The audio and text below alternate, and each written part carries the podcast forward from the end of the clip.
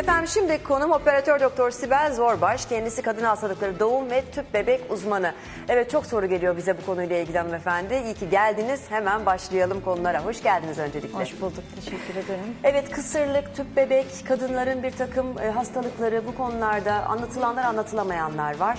E, fakat erken müdahalenin ve doktorunuzla açık konuşmanın her zaman bir avantajı olduğundan bahsediyoruz. Doğru yolda mıyız? Evet, doğru yoldayız. Ee, e, biz kısırla e, bir yıl düzenli ilişkiye rağmen gebe kalamama olarak bakmaktayız. Bu nedenle bu sürenin sonunda eğer gebe kalamadıysak bir doktora başvurmamız gerektiğini düşünmekteyim. O yüzden geç kalmamak bu işlerde önemli. Önemli. Peki genetik olabilir mi kısırlık? Kısırlık genetik bir hastalık değil aslında ama bir takım hastalıklar var kadında ve erkekte görülen genetik olan ama bunların oranı çok az ama kısırlığa genetik hastalık diyemeyiz. Herhangi bir başka genetik hastalıklar kısırlığı tetikler mi? Kısırlığı tetikleyen bir genetik hastalık yok. Yok. Ama Değil mi? O zaman bu durumda aman işte onun da zaten çocuğu olmuyordu. Halamın kızının da böyle bir problemi vardı. Ben de o yüzden böyleyim gibi düşünceleri uzaklaştırıp e, tedaviye ve gerçekçi yollara başvurmamız lazım. Evet. Çevresel faktörleri hemen sormak istiyorum. Çevresi- midir? Çevresel faktörler aslında önemlidir ama direkt olarak değil dolaylı yoldan etki ederler. Ee, çevresel faktörlerin başında sigara gelir. Ee, sigara hem kadın için hem erkek için hem sperm kalitesine hem yumurtalık kalitesinde bizim için negatif Büyük problem. etkileyen bir Şimdi problemdir. çevresel faktör diyoruz ama bence bir kişinin kendine verebileceği en büyük zarar. Yani o çevreden kaynaklı insanlar zaten yanındakiler kötü etkileniyor olabilir. Fakat ya kendisi ya kullanan? Kullanan tabii ki en fazla etkilenen kişi. O yüzden sigaraya oldukça dikkat etmeliyiz. Ayrıca biz hava kirliliğinden, doğal yaşanmamak, doğal beslenmemekten, Beslenme. e, e, televizyon fazla şey internet kullanmaktan, fazla cep telefonu kullanmaktan dolayı da biz etkilendiğimizi açıkçası düşünüyoruz. Düşünüyorsunuz. Bunlar kanıtlanmış konular. Çünkü çok fazla konuşuluyor. Ama yani bu manyetik, bu e, cihazlar hayatımıza çok girdiğinden de sonra gerçekten ciddi bir kısırlık oranında artış gördünüz mü? Böyle bir veri var mı elinizde? Ee, zamanla kısırlık oranı giderek artmakta. Özellikle sperm kalitesi ve sperm sayısı giderek artmakta. Azalma anlamında artmakta. O nedenle e, bunun et şey ol- çalışmalar yapılmasa bile etkilendiğini düşünüyoruz. Düşünüyorsunuz. Evet önümüzdeki yıllarda mutlaka bununla ilgili ciddi çalışmalar şu an araştırılıyordur, araştırılıyordur mutlaka ama bunlara dikkat etmek lazım. Peki kısırlık tedavisi diyorsunuz bir yılın sonunda hala bir çocuk e, problemi varsa kısırlık için başvurmak lazım. Ne kadar bir süre sonra uzmana başvuracağız? Nasıl tedavi olunacak? Şimdi az önce söylediğim gibi bir yıl düzenli Tamam. ilişki haftada üç günü kastediyoruz düzenli Peki. ilişkiyle. Çünkü artık e, hayat şartları zorlaştı. İnsanlar yeterince birbirlerine vakit ayıramıyorlar. Biz bu düzenli üç haftada üç düzenli ilişkiyi özellikle vurguluyoruz. Evet. Buna rağmen bir yıl içinde gebe kalamadıysa ama biz genellikle bunu 35 yaşın altındaki bayanlar için söylüyoruz. Eğer hasta 35 yaşın üstündeyse biz bu süreyi 6 aya indiriyoruz. 40 yaşındaysa ve geçirilmiş bir operasyonu varsa, bir e, kemoterapisi varsa, eğer eşinde bilinen bir faktör varsa hemen başvurmalı diyoruz. Evet. Bu Peki. özellikle bu bir yılı beklemeden. Beklememek lazım. Ee, Özellikle 35 yaşından sonra 6 ay e, süre veriyorsunuz. 40 yaşından sonra da ve fa- farklı hastalıklar ve tedaviler söz konusuysa Evet. hemen 1-2 ay içerisinde başvurmak lazım. Peki hemen şunu sormak istiyorum size sevgili Sibel Hanımcığım. Ee, erkek ya da kadın. Şimdi kadın önce hatayı kendinde mi? Hata değil, kusuru. Ee, benim çocuğum olmuyor deyince acaba gerçekten kadının mı erkeğin mi? Bu doktora başvuruş noktasında kadın mı gitmeli, beraber mi gitmeli? Hayır, mutlaka çift olarak alıyoruz biz infertilite hastalıklarım hastalarımızı ve özellikle zaten erkekten başlıyoruz. Çünkü erkeğin tek bir spermiyogram testiyle bunu tespit etmemiz çok mümkün Evet. ve birçok kez e, oran verirsek %30 kadın, %30 erkek, %20 her ikisinde de olası şey has, problem vardır diyoruz. Problem vardır diyor, diyebiliyorsunuz. Peki e, yaş faktöründen biraz bahsettik. Erkek için yaş faktörü ne kadar önemlidir? Erkek için yaş faktörü tabii sperm kalitesi ve e, sayısı giderek azalmakta ama erkek için çok birincil etken değil ama kadın için oldukça yaş faktörü önemli. Yaşımız arttıkça özellikle 35 yaşın üstünde yumurta sayımız oldukça azalıyor. E, bazen beklenmedik şekilde eğer ailede erken menopoz varsa, e, daha önce yumurtalık rezervleri azalmış bir akrabamız varsa e, bizlerde de yumurtalık rezervlerinin azalacağı olası olduğu için daha- Akrabalık yakınlık derecesi e, diye verebilirsek eğer. Ee, anne baba, an- anne, anne, kardeş, hala, Hala. teyze. anne, hala, teyze bunlar da yakınız. önemli. Peki efendim polikistik over, miyom, kist belirtilerine hemen dönmek istiyoruz. Çünkü bahsettiğiniz gibi bunlar da yine e, hamile kalmaya engel problemler olabilir. Evet, polikistik over özellikle çok karşılaşıyoruz. Ee, yanlış beslenme burada da ortaya çıkıyor. Ee, düzgün beslenmezsek insülin direncimiz, yediğimiz şekerlere, yağlı gıdalara bağlı olarak artarsa, e, insülin direncimize bağlı olarak da yumurtlama bozuklukları, adet bozuklukları yaşayabiliyoruz. Ee, böyle olduğu zaman yumurtlama olmazsa tabii otomatikman gebelik de oluşmayacağı için bizim için oldukça önemli. Önemli. Ee, Peki bir kişi bu farklılığı ne zaman e, anlayabilir? Her ay düzenli kontrolde eğer e, polikistik sendromundan bahsedilmiyorsa, bir miyom ya da kist yoksa bu sonradan oluşabilir mi?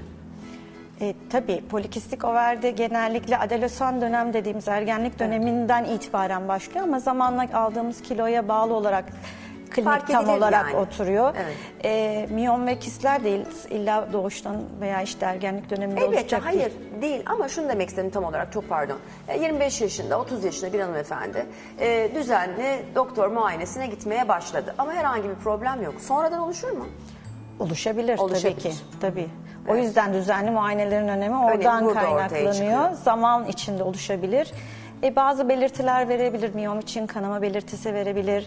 Karın ağrıları yapabilir. İdrar torbasına bastığı için e, miyomlar bazen bası yapabilir. Sık idrarı çıkma yapabilir.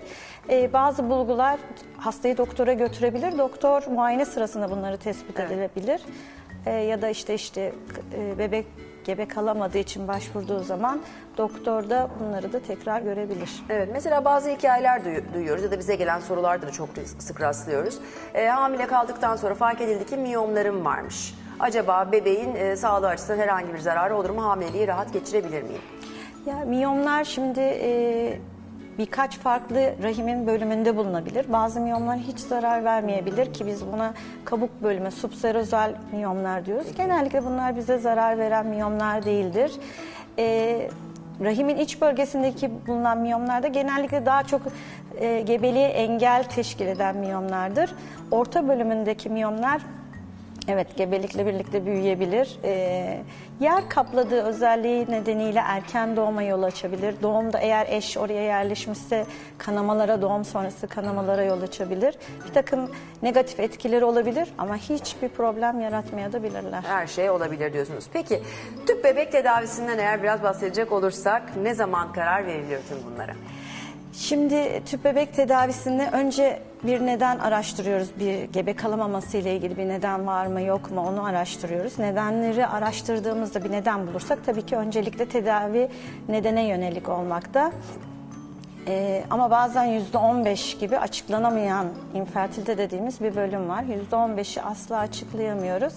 Ya da bunlar içinde mutlaka bir neden vardır diyoruz ama şu an tıp bunu açıklayamıyor. Belki ileride bunlara bir açıklama gelecek. Ee, bu tür hastalarda eğer hiç açıklayamıyorsak e, iki yıl eğer hastamızın yaşı, bayanın yaşı 35 yaşın altındaysa, gençse öncelikle iki yıl beklemeyi öneriyoruz. Çünkü bu iki yıl bekleme süresinde yüzde 60-65 kendiliğinden gebe kalabiliyorlar. Ama eğer buna rağmen gebe kalamadılarsa aşılama dediğimiz e, spermin rahime enjeksiyon yoluyla verilmesi dediğimiz bir yöntemden yola çıkıyoruz. Bir, bir iki, üç hastanıyla bunu konuşarak e, kez denenebiliyor. Evet. 1 2 3 dediğiniz deneme süreleri mi? Evet, deneyebiliyoruz. tekrar süreli. Hastanın durumuna, konumuna, yaşına bağlı olarak 3'e kadar deneyip eğer olmazsa tüp bebeğe gidiyoruz. Ama bir e, tüplerde tıkanıklık varsa, sperm sorunumuz varsa, azospermi dediğimiz spermin yokluğu gibi bir sorunumuz varsa, az, azlığı gibi bir sorunumuz varsa veya yumurta rezervlerimiz çok düşükse bu hastalarda direkt tüp bebeğe gidiyoruz. Direkt tüp bebeğe gitmekte farkı, e, fayda var diyorsunuz. Peki PRP kadın hastalıklarında nasıl kullanılıyor? PRP Bir olduk, kez duyuyorum Sibel Hanım. Ee, PRP artık yo- bütün branşlarda yaygın kullanılmaya başlanmış e, bir yöntem. Biliyorsunuz trombositten zengin plazma kullanıyoruz burada. E, kadın hastalıklarında da e, kullanmaya başladık. Bunlardan eğer infertilite tüp bebek için konuşursam bazı hastalarda rahim içindeki dokuyu e, kalınlaştıramıyoruz. Rahim içindeki dokunun kalınlaşması bebeğin embriyonun oraya implante olması yani yerleşebilmesi için oldukça önemli. Ee, ve burada e, trombositleri kullanarak büyüme faktörü içerdikleri için oradaki kalınlığı arttırmalarına yönelik olarak PRP'yi burada kullanabiliyoruz. Bir yeni e, yeni olarak kullanmaya başladık. Yumurtalıklarda özellikle düşük rezervli kadınlarda uyuyan hücreler olduğunu düşünüyoruz ve bu uyuyan hücreleri yumurtalıklarda e, PRP yoluyla kanlanmayı artarak işte bir takım gene büyüme güzel. faktörleri ve sitokinler vererek yumurtayı PRP vererek direkt olarak e, Yeni bir yöntem Hanım? Yeni bir yöntem deneysel anlamda aslında tam olarak oturmuş değil ama işe yaradığını düşünüyoruz. Sonuçlarını gördünüz mü? Ee, çalışmalara yeni başladık. Başladınız. Etkili Ay, oldu harika. Görüyoruz. Harika. Çok güzel bir haber veriyoruz o zaman burada. Diyorsunuz ki kadınların yumurtalarının bazılarının uyur halde olduğunu düşünüyoruz. Evet. ve Onları canlandırabilmek için PRP yöntemini kullanıyoruz. İşlem nasıl bir işlem?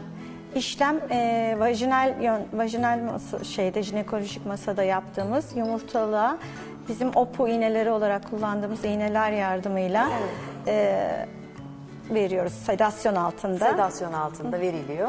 Ve belli bir süre sonra o yumurtaların e, ölçümlerine bakılıyor elbette. Ee, evet yumurtalıkları yumurtaların oluşum e, kendilerini büyütüp büyütmediklerini işte Evet. bazen AMH değerleri dediğimiz Tabii. değerlerle kontrol ediyoruz. Evet çok çok güzel bir haber. Bu aslında e, ileri yaşlarda belki de asla çocuğum olmaz diyen hanımlar için bile bir ışık olabilir mi? Olabilir ama daha çok biz bunu düşük over rezervi dediğimiz beklemediğimiz e, erken yaşta yumurtalık rezervleri azalan hastalar için daha çok kullanmaktayız ama bu bir umut ışığı. Bu da bir umut ışığı. Çok çok güzel. Gerçekten çok memnun oldum. Yanlış beslenme kısırlığa sebep olabilir. Çevresel faktörler olabilir. Genetiğin herhangi bir alakası yoktur kısırlıkla dediniz. Bunlar çok güzel haberler. Yaş faktörünü her zaman söylersiniz siz sevgili doğum hekimleri. Ama tüp bebek e, mutlaka yapılabilir. E, her şekilde erken başvurun. Doğru Evet, toparladık mı? kesinlikle. Evet. Efendim çok teşekkür ediyorum. Operatör Doktor Sibel Zorbaş, kadın hastalıkları doğum ve tüp bebek uzmanı bizlerleydi. İyi ki geldiniz. Teşekkür